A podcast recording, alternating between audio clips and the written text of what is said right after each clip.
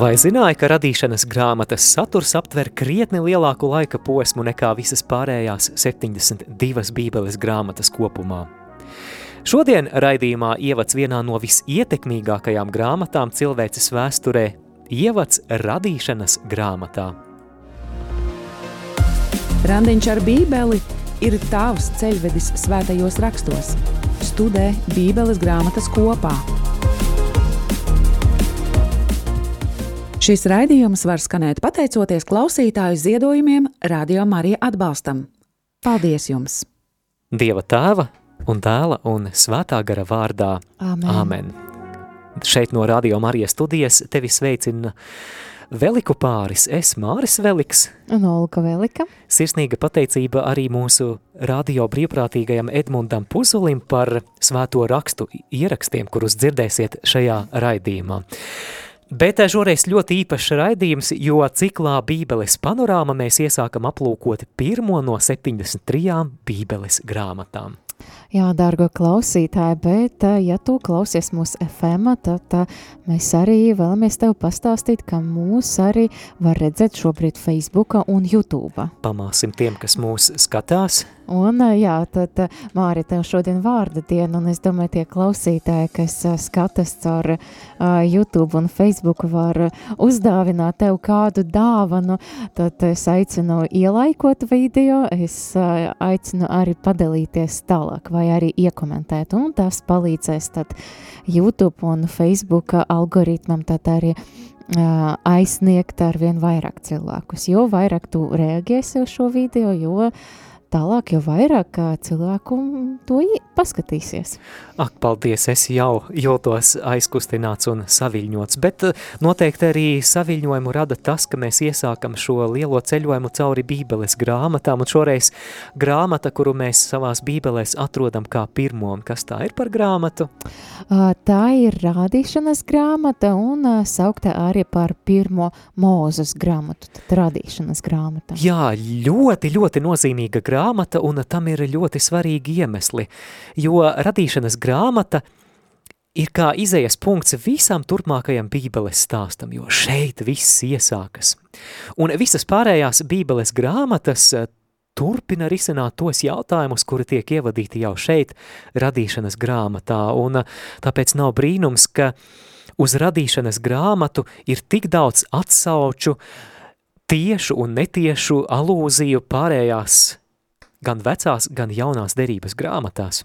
Cik interesants vārds alūzija, bet es domāju, mēs uh, arī turpmāk varēsim par to pastāstīt arī nākamajos, nākamajos raidījumus.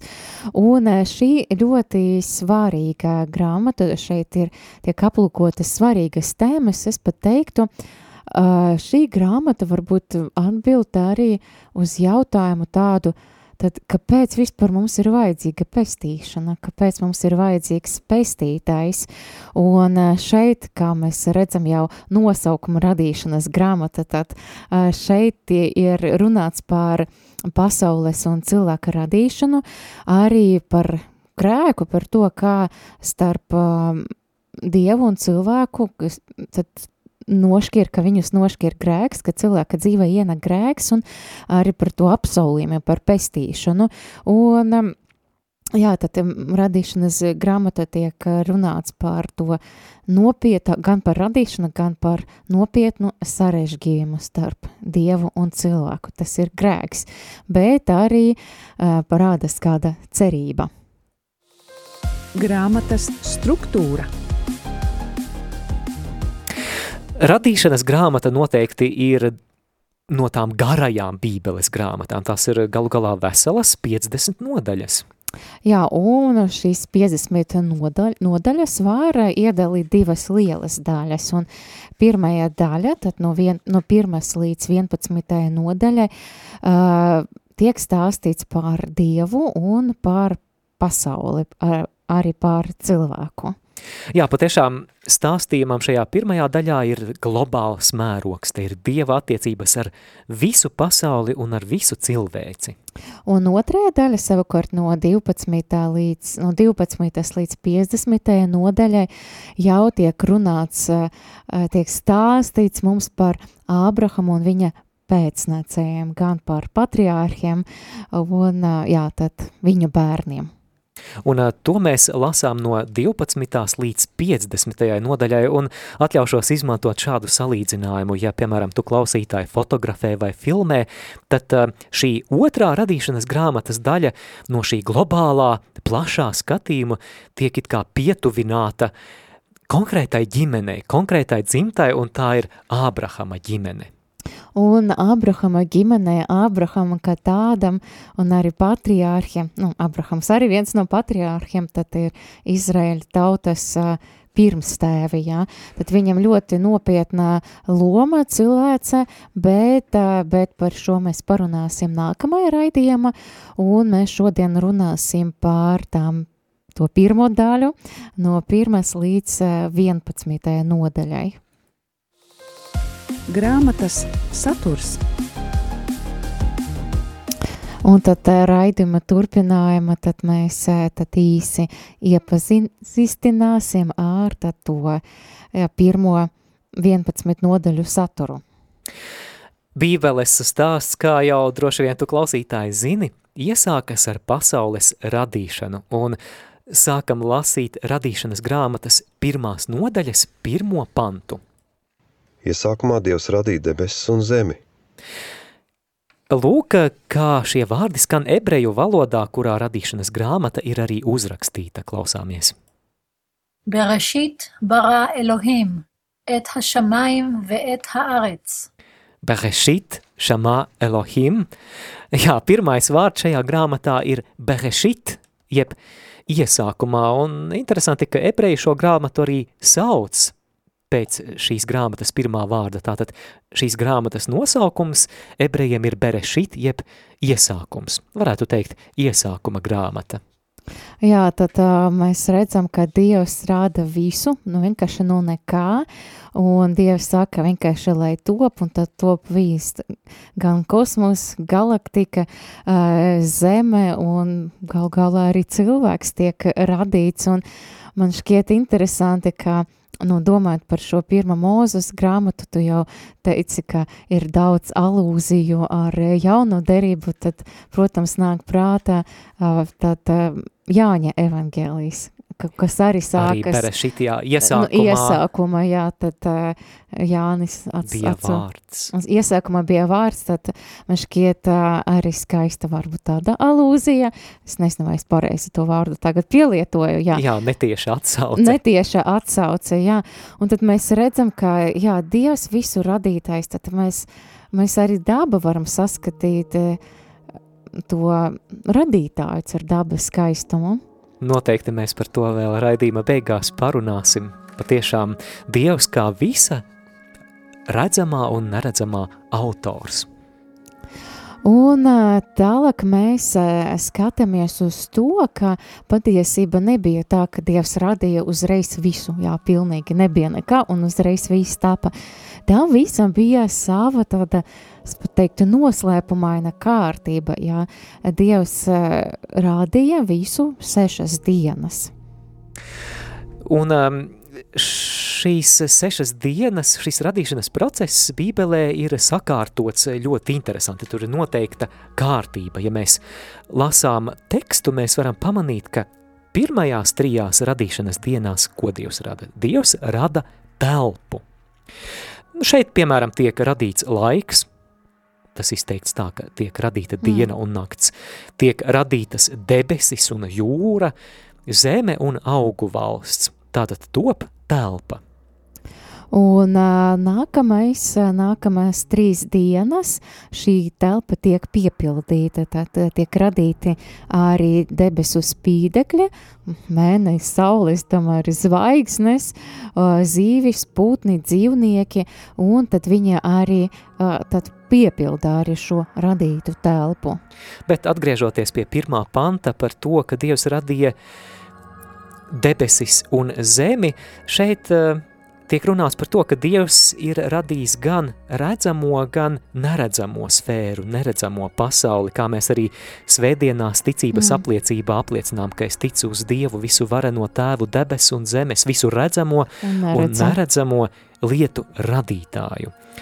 Bet, Protams, lasot šos tekstus, kāds mūsdienu skeptiķis varētu iebilst, bet tā radīšanas secība īsti nesaskan ar mūsdienu zinātni. Ko tu atbildētu? Nu, es pirmā, man vēl viena lieta, ko skeptiķis varētu pateikt, bet uh, patiesība, nu, mēs nevaram lasīt kā bībele, kā dabas zinātņu vai kādu geogrāfijas vai kādu bioloģijas, astronomijas grāmatu.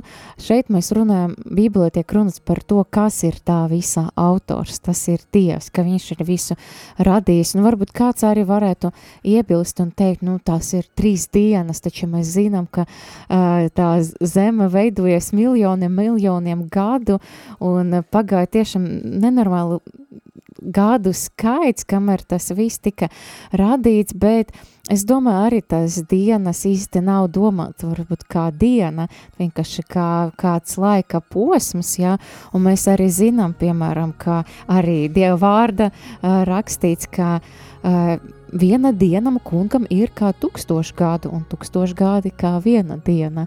Līdz ar to mēs nevaram precīzi teikt, ka tas bija precīzi viena diena, kad tapa, piemēram, spīdekļi. Jā. Un patiešām autora nolūks nav bijis radīt dabas zinātņu grāmatu, bet izteikt ticības ideju, varētu teikt teoloģisku ideju, un tā ir šī, ka pasauli ir radījis Dievs. Tātad viņš ir visa redzamā un neredzamā autors. Un lūk, tieši tas tiek pateikt šajā pasaules radīšanas aprakstā. Bet vēl šeit ir kāda svarīga teoloģiska doma, ka uzmanību viss radītājs ir labs. Viss radītājs ir labs. Jā, veseles septiņas reizes tajā radīšanas stāsta mēs lāsam, ka Dievs uzlūkoja radītu, un tas bija labs. Dievācijas. Jā, bet interesanti, ka, lai radītājs būtu ļoti labs, bija vajadzīgs vēl kaut kas un uzmanību. Un Dievs radīja cilvēku pēc savu tēla, pēc Dieva tēla viņš to radīja. Vīrieti un sievieti viņš radīja.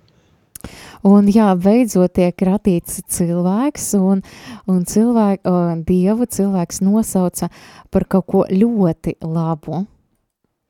Un Dievs uzlūkoja visu, ko viņš bija darījis. Un redzi, tas bija ļoti labs. Jā, tas ir skaisti, jā, kad pasaulē tika radīta, tas bija labs, bet, kad rādīja cilvēku, tad uh, tas viss kļuva ļoti labs. Un, jā, tieši tam arī radīts cilvēks, lai viss būtu ļoti labi un pasaule patiesībā bez cilvēka, nu, nebūtu tā pilnīga kaut kās pietrūka, un Dievs arī radīja to cilvēku radīšanas, kro, radīšana, radības kronis, jā. Un arī Dievs mēs lāsam rāda cilvēku pēc sava attēla un līdzības. Dievs piešķira viņam īpašu cieņu, un e, mēs, katrs cilvēks ar tam īpašībām, tam labajām īpašībām, kas mums ir, mēs e, atspoguļojam kaut ko no Dieva rakstura, no Dieva īpašama, gan īpašībām, gan no, man liekas, šķiet, e, mākslinieki radošas personas var uzgāvilēt, jā, ka, jā, tu esi radošs, jebkura joma, tad, tas arī dieva īpašība. Cilvēkam patīk rādīt daudz ko, un arī citas, protams, īpašības, gan labestība, mīlestība, žēlsirdība, daudzas, daudzas citas. Un, bet tas arī nav visi, un cilvēks neradīja Dievs neradīja cilvēku un tā kā nepalaida vienkārši kaut kā pa pasauli viņam staigāties, viņš rādīja cilvēku arī attiecībam ar sevi. Tad viņš... Ļoti svarīgi to pasvītrojam. Jā, jo Dievs gribēja veidot attiecības un tādas tēva un bērna ļoti tuvas attiecības. Tātad viņš rādīja Ādamu un Ievu, kuri jau bija uh, viņa bērni, un viņš eh, tad veidoja ar, viņ, ar viņiem attiecības. Tātad eh, pirmo cilvēku Ādama un Ievas identitāti raksturot tas, ka viņi ir Dieva bērni. Bet ne tikai. Ādamam un Ievai Dievs piešķir nevien bērna, bet arī ķēniņu statusu. Cilvēkam ir uzticēta līdzdalība gan radīšanā, gan valdīšanā pār šo pasauli, lasām pirmās nodaļas 28. pantā. Un Dievs tos svētīja un sacīja uz tiem, augļojieties un vairojieties, piepildiet zemi un pakļaujiet sev to, un valdiet pār zivīm jūrā, un putniem gaisā, un katru dzīvu radījumu, kas rābo pa zemi. Kā ķēniņam cilvēkam ir jāvalda pār Dieva radīto pasauli, jāveido šī pasaule, un radīšanas grāmatas otrajā nodaļā, 15. pantā, tas ir ļoti skaisti izteikts, izmantojot dārza simboliku. Un Dievs tas kungs ņēma cilvēku un ielika viņu ēdens dārzā, lai viņš to koptu un sargātu. Bet šis teksts izsaka vēl kaut ko. Cilvēks ir nevien Dieva bērns, cilvēks ir nevien valdnieks, bet cilvēks ir arī priesteris, jo Bībeles pētnieki uzskata, ka vārdi par dārza kopšanu ļoti atgādina vecās derības tekstus par levītu un priesteru pienākumiem rūpēties par Jeruzalemes templi, sākumā par telti. Un eh, templis, eh, atgādināsim klausītājiem, bija pati galvenā Izrēļa tautas svētnīca. Tur darbojās šie vecās derības priesteri. Un Dievs ir radījis un izvēlējies cilvēku, lai viņš būtu kā priesteris šajā pasaulē. Ļoti interesanti, ka jūdi saskatīja paralēles starp pasaules radīšanu un vēlāk tempļa celšanu Jeruzalemē. Tā ka pasaule ir tāds kā lielas, kosmisks dieva templis. Savukārt Jeruzalemes templis ir kā pasaules miniatūras modelis. Arī, kad mēs iepriekš studējām no. Mateja evaņģēliju, mēs jau runājām, ka tad, kad Jēzus, piemēram, Mateja evaņģēlijā runā par pasaules beigām, viņš pārmaiņus runā arī par Jeruzalemes tempļa izpostīšanu. Tātad kā visas, visa kosmosa modeļa izpostīšana simbolizē to, kam laiku beigās ir jānotiek ar visu pasauli. Tagad eh, neliela, neliela pauzīte, pēc kuras būsim atpakaļ ēterā. Ceļojums cauri Bībelei raidījumā Randiņš ar Bībeli.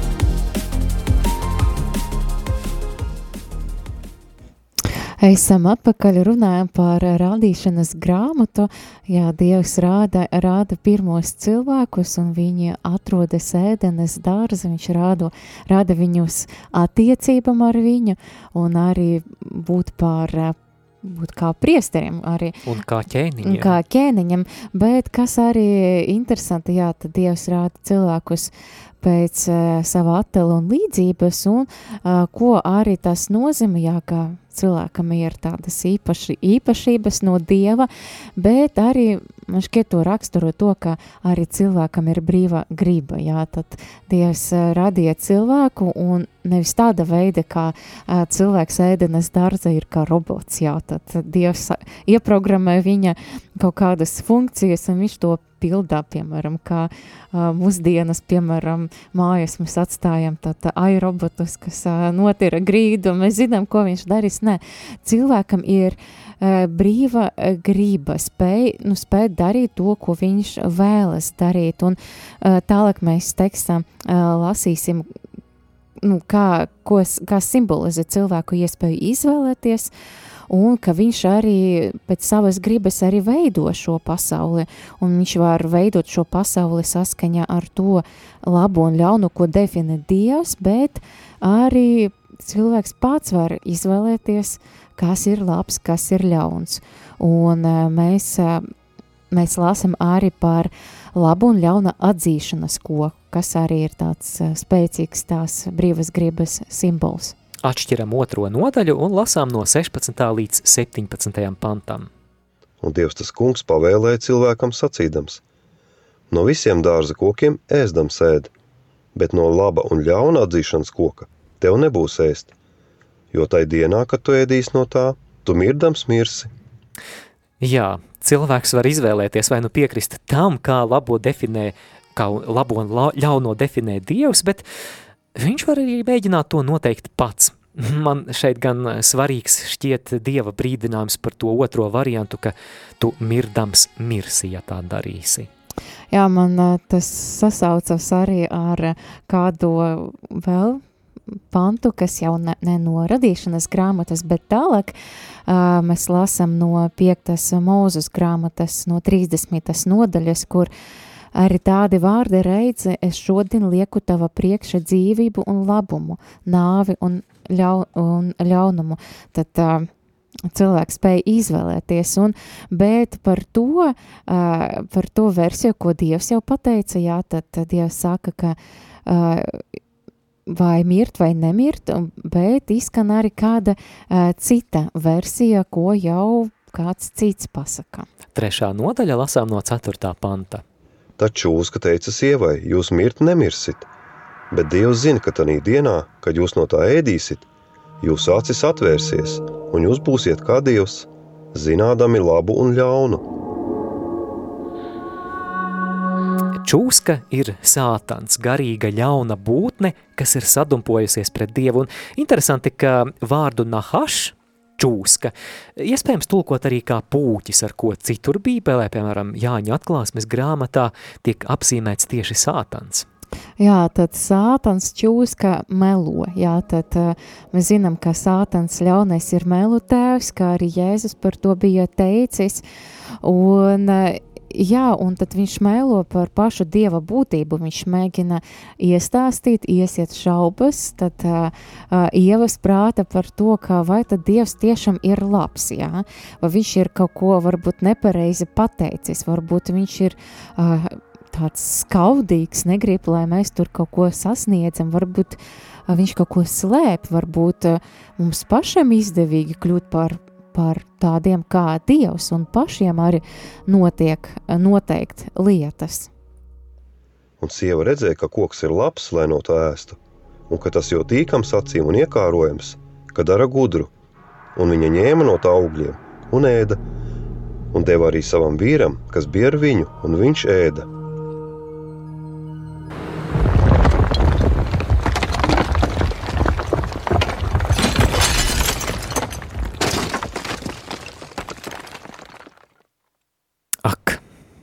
Katastrofa.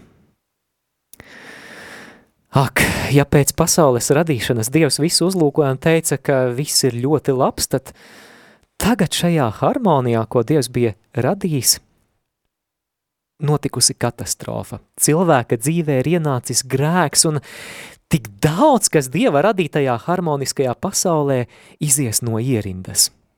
Jā, ienāk grēks un tagad ienāk kādas uh, nepareizas lietas, arī attiecības starp cilvēku un dievu, tad ienāk cilvēka ienāk kauns, bailes, neusticēšanas, un tas skaistas attiecības, tās tēva un bērna attiecības, kas, uh, kas bija pirms tām, tagad ir, tagad ir iznīcinātas. Un Dievs tas kungs sauca cilvēku sacīdams, kur tu esi?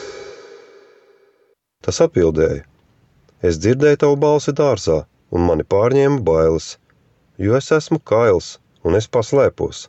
Tātad pirmkārt grēka rezultātā pasaulē ir ienākusi šķelšanās starp cilvēku un dievu. Kaut kas būtisks ir nostājies viņu starpā un viņu šķir. Bet notiek vēl kāda šķelšanās. Šķelšanās notiek arī pašu cilvēku starpā. Sākas vainas novelšana vienam uz otru. Vīrietis rāda pirkstu uz savu sievu un saka, viņa pie visa vainīga. Interesanti, ka tur ir teikts, ka tā sieva, ko tu man devi, tā tad tu Dievs arī, vaino, jā, tu jā. Dievs esi vainīgs, jo tu man viņu devi un viņa ir vainīga. Sieviete savukārt rāda pirkstu uz čūsku, čūska pie visa vainīga. Un cilvēks sacīja, tā sieva, ko tu man devi, lai viņa būtu ar mani – tā man deva no tā koka, un es ēdu. Un Dievs tas kungs sacīja sievai, ko tu esi darījusi? Un sieva sacīja, čūska mani pieviela, un es ēdu.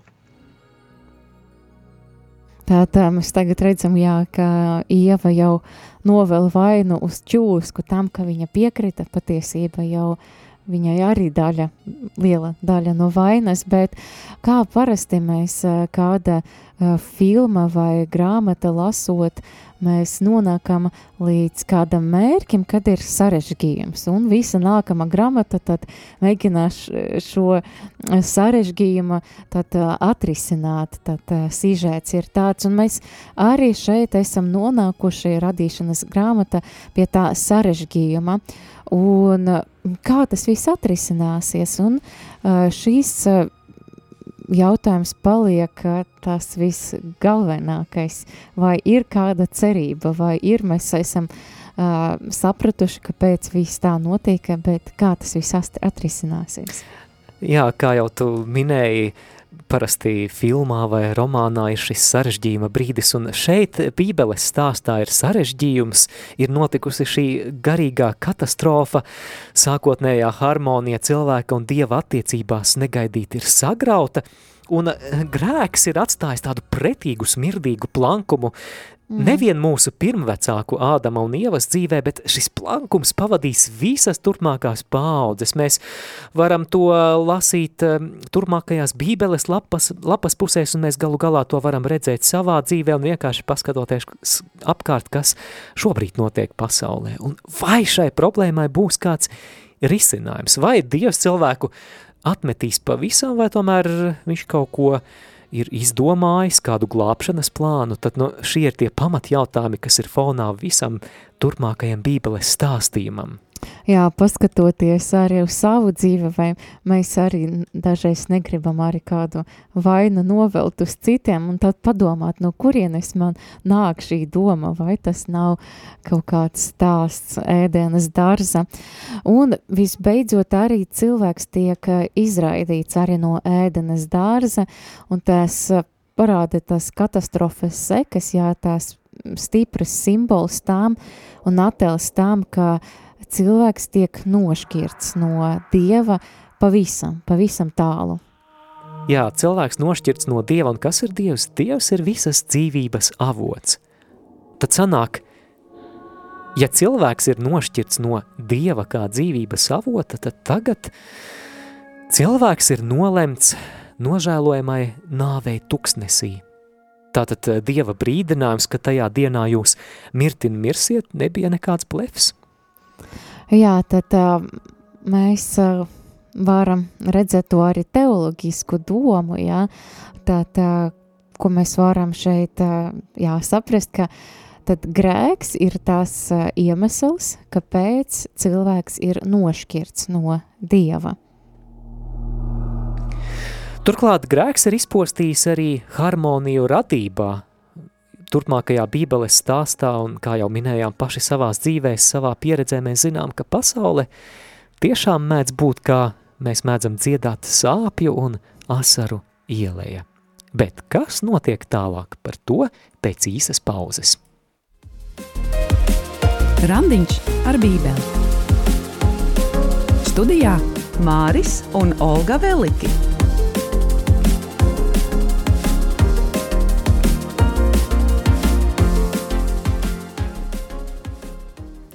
Turpinam lasīt um, radīšanas grāmatu. Esam apstājušies pie tā, ka tad, uh, pirmie cilvēki tiek izraidīti no ēdenes dārza, bet nu kas notiek tālāk? Jā, tad uh, Ādams ieva uh, dzīvo un uh, darbojas, strāda, un tad viņam piedzimst arī divi bērni, un mēs redzam, ka grēks iet vairumā. Nesagrēkoja tikai Ieva un Ādams, arī grēko arī viņa bērni. Tam, man šķiet, ir atvērta tāda Pandoras lāde, jā, kad viss ļaunais iziet ārā un nākamais paudzes tas arī vairojas. Mēs redzam jau radīšanas eh, grāmata, tātad ceturtē nodaļa, kur tiek stāstīts par Ādamu un Ievas diviem bērniem, par diviem brāļiem, Kainu un Ābelu, un eh, Kaina sirdī ienāk greisirdība. Un noteikti nu, tā greisirdība nenāk tāpat, jo gan jau ļaunais arī tāpat darbojas un kaut ko arī iestāstā Kainam, un Kains pieņem tos mēlos, ko ļaunais iestāstā, un sava sirdi tā greisirdība pārvēršas varbūt par naidu pret savu brāli, un beigu beigas tā, tā Kains ābelu noslēpkavo. Ceturtās nodaļas astotais pants. Un notika, kad viņi abi bija tīrumā, Kains cēlās pret savu brāli Ābelu un viņu nokāva. Bet patiešām tā Pandoras lāde ir tikai atvērta. Šī slepkavība izrādās tikai prelūdija tam haosam, kas turpinās pieņemties spēkā nākamajās paudzēs. Tālāk, 4. nodaļā mēs lasām par kādu personāžu vārdā Lamehs. Interesanti, ka viņš ir pirmais bībeles tēls, kam ir vairākas sievas, kuras viņš, ja tā var teikt, krāja kā savu īpašumu. Un ieklausies kāda augstprātība Lameha dziesmā, kurā viņš lepojas ar savu atriebības kāri un vardarbību. Un Lameks sacīja savām sievām, Ada un Cilla, klausiet manu balsi, Lameha sievas, dzirdiet, ko es jums saku, vīru es nokauju par savu ievainojumu un zēnu par savu vāti. Ja kains tiek atriepts septiņkārt, tad Lameks septiņdesmit septiņkārt. Ho, ho, ho, ho, ho. Jā, interesanti, ka Dievs jau bija teicis, ka Kains tiek atriept septiņkārt, bet nu, Lamehs arī uh, sevi nostāda arī dieva vieta un pat nu, pats nosaka, kāda ir jābūt tai atriebībai. Viņš tā kā dieva priekša, nu, ne dieva priekša, dieva vieta nosaka, kas ir labs, kas ir ļauts, un tas ir ļoti, ļoti bedīgi. Tieši tā, cilvēks eh, it kā cenšas pats būt kā dievs, bet tādējādi izrādās pavisam tālu no patiesā dieva. Kad Dievs redzēja, ka cilvēka ļaunums augtina auga zemes virsū un ka viņu sirdsprāta tieksmes ikdienas vērsās uz ļaunu, tad Dievam kļuva žēl, ka viņš cilvēku zemes virsū bija radījis, un viņš savā sirdī ļoti noskuma. Šis ir piektais un sastais pāns radīšanas grāmatas sastajā nodaļā. Grēks ir tik ļoti aptraipījis šo Dieva radīto skaisto pasauli, ka Dievam neatliek nekas cits, kā nomazgāt šo pasauli plūdos. Bet vai tas ir viss, vai tas nozīmē, ka Dievs vēlas iznīcināt cilvēku, iznīcināt to ļaunumu, kas dzīvo arī cilvēku sirdis, un nemaz nē, Dievs arī dod kādu, kādu cerību, kādu iespēju. 6, 8. Bet Noā atrada labvēlību Dieva acīs. Jā, tad, tad Dievs izredzēja Noāsu un viņa ģimeni, un tā, tā jā, viņi tad nos uzceļ to šķirstu, un tā, tā arī pēc eh, plūdiem tā, tā viņam, do, nu, viņam dota iespēja atkal sākt visu no jauna. Un uh, var klausītāji pievērst uzmanību, cik ļoti Dieva svētība Noasam un viņa ģimenei, pēc tam, kad plūdi jau beigušies, atgādina svētības vārdus Ādamam un Ievai. Devītās nodaļas pirmais pants. Un Dievs svētīja Novu un viņa dēls un sacīja, augļojieties, vairojieties un piepildiet zemi. Un arī interesanti arī tālāk, kad jau Noas un ģimene izgāja arī no no šķirsta, arī Dievs sāka arī kādus vārdus arī par dārzu, kas ļoti līdzīgi patiesību, ko viņš bija teicis sādamam. Tātad, es aizmirsu, kura grāmata, radīšanas Tā, grāmata, jā, 9, 9, 20. Jā, un mēs lasām, jā, te atkal ir dārs, paralēlis ar šo ēdenes dārzu, tātad 9.20. Nosāka kopt zemi un iestādīja vīna dārzu. Skaisti, vai ne? Vīna dārs, bet ja vien arī šajā dārzā neatkārtotos traģēdija, un lūk, kas notiek, 21. pants. Un noādzēra vīnu un viņš piedzērās un gulēja kails savā teltī. Noā piedzeras līdz nemaņai. Turklāt vēlāk teltī notiek arī kaut kas ļoti nesmuks ar Noās dēlu. Un jā, sanāk atkal tā, tā otra iespēja, un atkal tie cilvēki, ko Dievs izvēlējas arī, kas bija uh, pamats tam, lai izveidotu jaunu uh, cilvēci tīru no grēkiem, paklausīgu Dievam, mēs redzam, ka atkal viņi grēku, atkal viņi krīt kārdinājuma, un tad uh, grēku plūdi tomēr nebija risinājums tam, lai cilvēce mainītos. Tieši tā, un uh, tas atkal mums atgādina par to, cik ļoti ir vajadzīgs glābējs. Bet tālāk 11. nodaļā mēs lasām par vēl vienu ļoti spilgtu grēka simbolu – Pābeles tornis. Cilvēki šajā posmā ir izgudrojuši jaunu tehnoloģiju. Viņi ir izgudrojuši ķieģeli, un viņi vēla šo ķieģeli izmantot, lai uzceltu torni, kas sniedzas debesīs. Un tie teica, celsim sev pilsētu ar torni, kura virsotne sniedzas debesīs. Ar to mēs sev sagādāsim vārdu un netiksim izkaisīti pa visu zemi.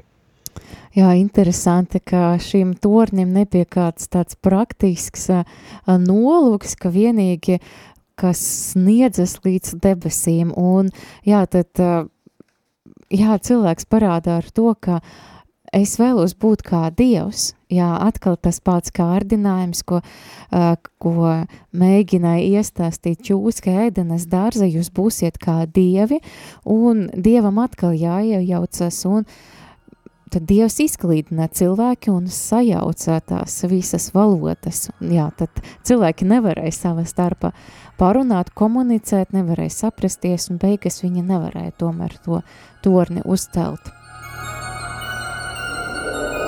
Lūk, tāds ir radīšanas grāmatas pirmās daļas saturs, proti no pirmās līdz 11. nodaļai, bet kā tad īsti ir? Vai cilvēcei, kura jau Bībeles pirmajās lapas pusēs ir paspējusi tik daudzkārt sasmērēties, ir vēl kāda cerība pie Dieva? Ir.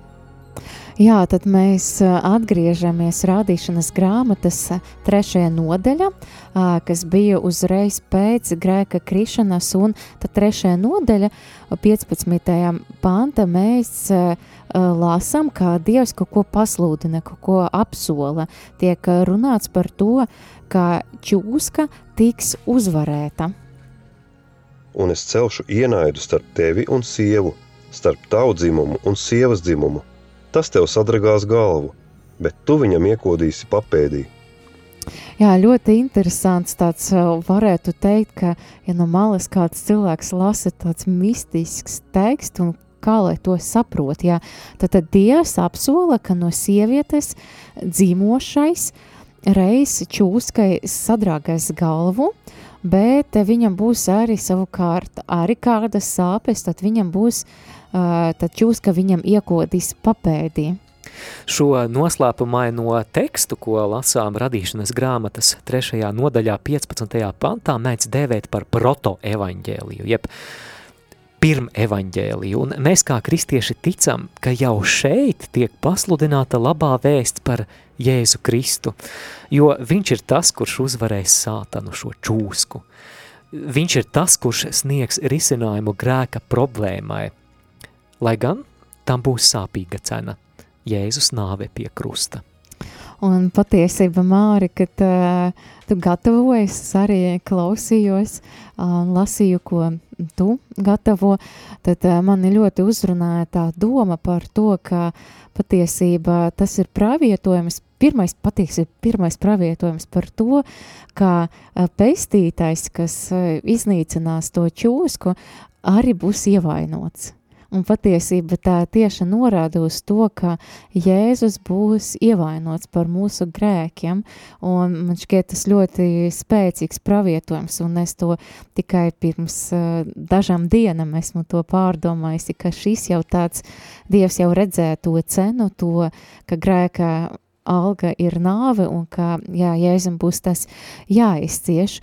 Un jā, šis pravietojums par uzvaru uh, un eh, pār čusku jau ir, jau seku uzreiz pēc grēka krišanas, un tā jau ir e, cerības veists, un diev, ka Dievs nav pavisam atmetis cilvēki, cilvēkus, un ka Dievam ir noteikti kāds glābšanas plāns, glābšanas risinājums, un e, par to plānu risinājumu, kā tas izvērsīsies, tad mēs patiesībā runāsim visu šo raidījumu, kas būs turpmāk garumā. Patiesība visa Bībele tas ir tās pēstīšanas plāna iztenošanas stāsts. Bet tagad apkoposim galvenās domas radīšanas grāmatas pirmajā daļā. Svarīgākās idejas – Kādas tad bija šī teksta svarīgākās idejas? Nu, pirmā noteikti tā, ka pasauli un cilvēku ir radījis Dievs. Dieva radība ir labā. Nākamais. Cilvēks ir radīts kā ļoti labs, jo nes sevī Dieva attēlu un līdzību. Grēks ir tas, kas šķir cilvēku no dieva. Nošķirts no dzīvības avota, cilvēks ir nolemts fiziskai un garīgai nāvei. Un visbeidzot vēl uzsversim arī piekto domu, ka Dievam ir glābšanas plāns cilvēcei. Atceries, ka čūskas galva tiks satriekta. Apslēptais Kristus. Jā, tad mēs parunāsim par to, kā tad radīšanas uh, grāmata mums norada uz Kristu. Pirmkārt, grēka problēma mums atgādina, cik ļoti mums ir nepieciešams glābējs, pestītājs. Un šāds glābējs, kurš satrieks čūskas galvu, mums tiek apsolīts jau Bībeles pirmajās lapas pusēs, tūlīt pēc grēkā krišanas, tātad jau minētajā pirmevaņģēlijā, jeb protoevaņģēlijā.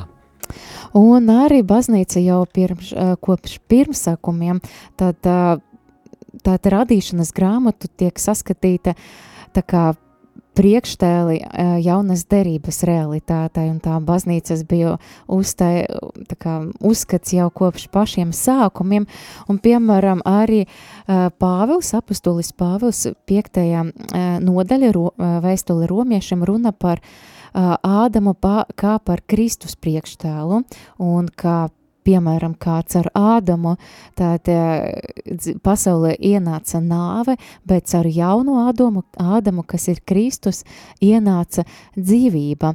Arī baznīca mums māca, ka, piemēram, jaunava Marija, tad mēs par viņu sākam kā par ievu, piemēram, viņa dzemdē to, kas satriec čūskas, Eh, galvu arī, kāpēc Marijai ir, piemēram, jauna ieva. Piemēram, ieva saņem čūskas vārdu, un tas iztenojas tajā grēka, bet Mārija savukārt, kad viņai pasludina uh, ercengelista dieva vārdu, viņa pieņem to vārdu, viņa saņem dieva vārdu un viņa kļūst par mesijas māti. Un arī mēs varam skatīties uz ievu, kas bija dievam nepaklausīga, jā, tad viņa paklausīja čūskai, savukārt Mārija, viņa paklausīja Dievam, viņa teica, lai notiek pēc, pēc tava vārda, un jā, tāda veidā arī caur viņu ienāca Kristus, tad mūsu pestītājs.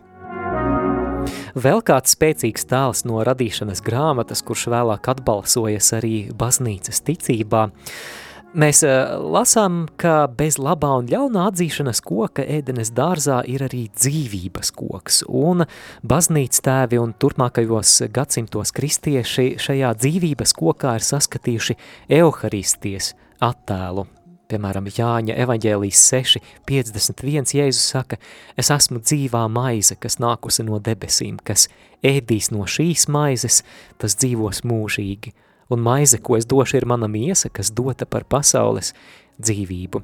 Vai cita paralēle arī Jēzus krusts kā dzīvības koks, kurš atceļ labā un ļaunā atzīšanas koka lāstu.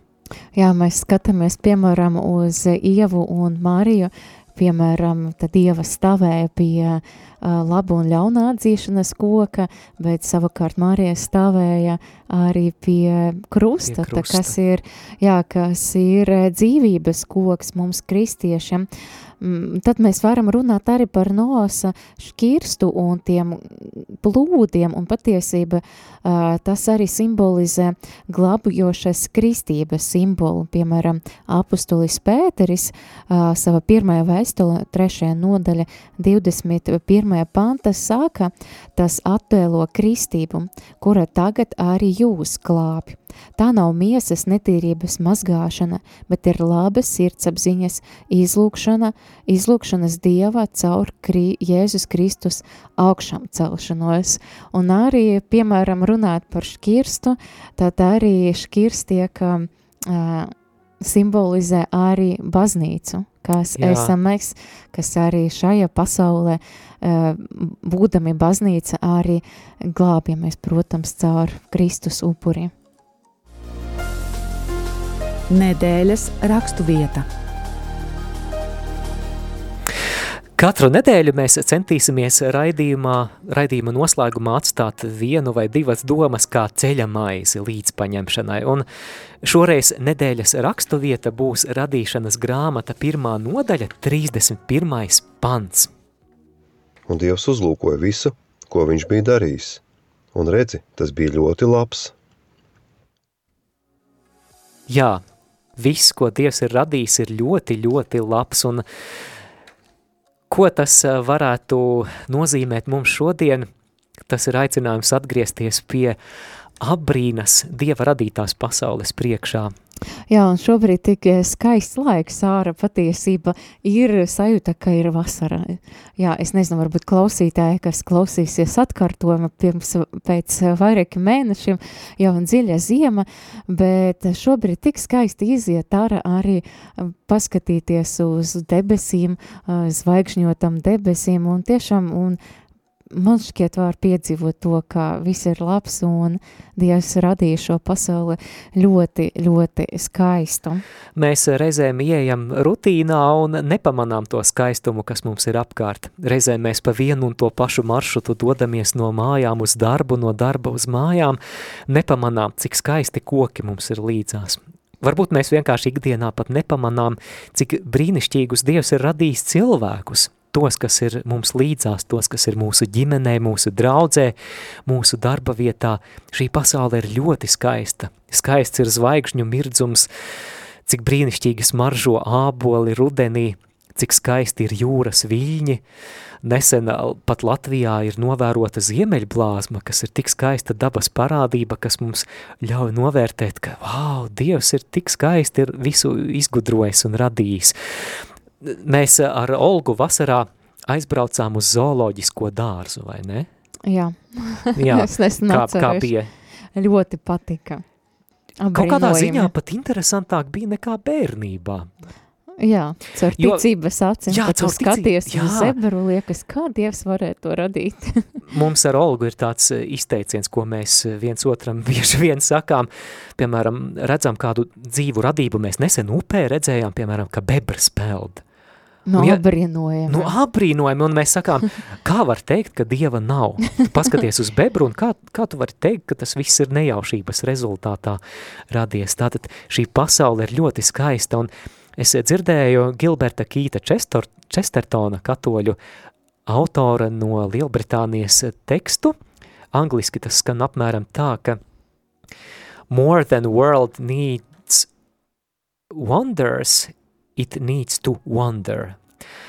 Tātad um, latviskot varētu tā, vēl vairāk nekā pasaulē ir vajadzīgi brīnumi, pasaulē ir vajadzīga brīnīšanās. Patiešām arī pat tad, ja ir brīnums un tu nespēji brīnīties, kaut kas tevī garīgi ir miris.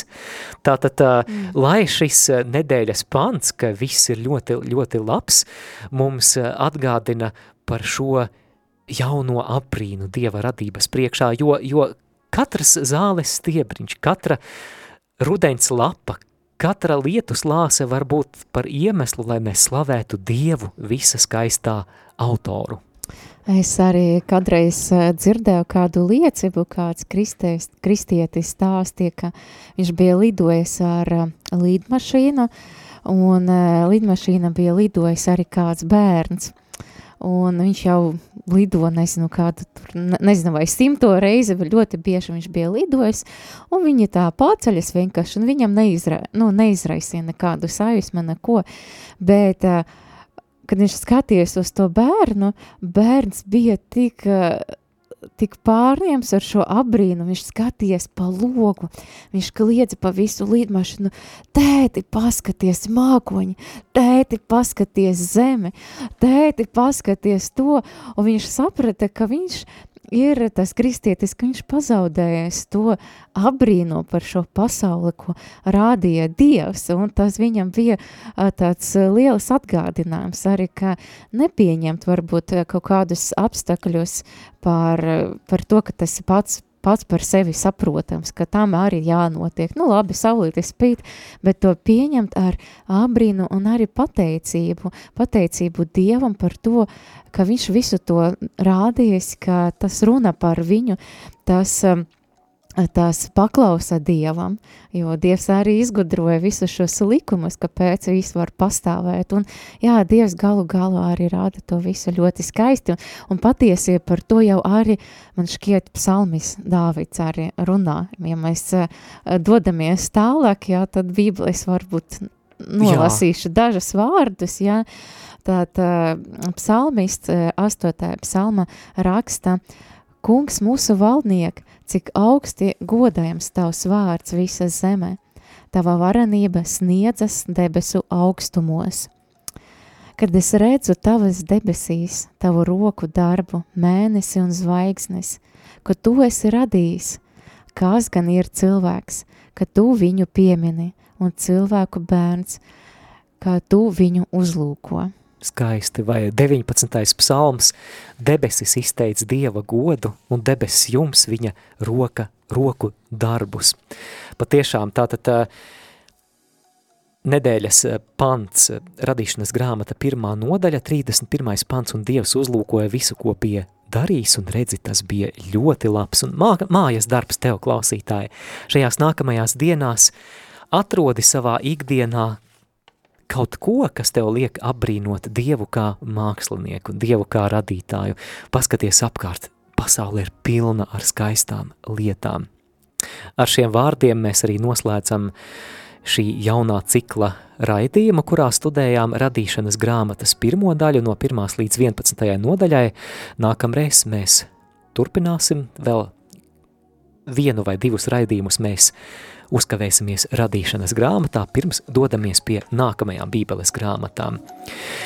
Mīļo klausītāji, man interesē, vai kāds šo raidījumu ir uh, internetā noklausījies vai noskatījies līdz beigām. Interesanti, vai vispār tādi ir. Ieraksti komentāru, ja tu esi ticis līdz beigām, tad uh, uzraksti tagad noklausījos raidījumu un vari kaut ko vēl iekomentēt, varbūt kas tevi uzrunāja.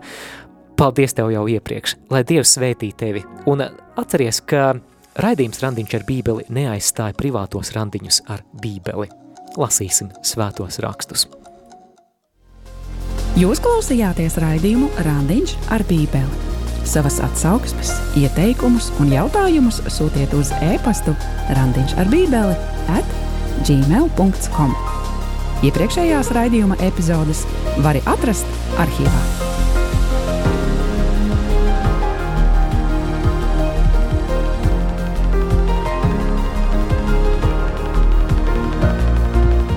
Raidījums varēja izskanēt pateicoties klausītāju ziedojumiem, Radio Mārija atbalstam. Paldies jums! Radio Marija Latvija panākumi sākas ar tevi. Ziedojumi, tu palīdzi uzrunāt cilvēku sirdis un prātus.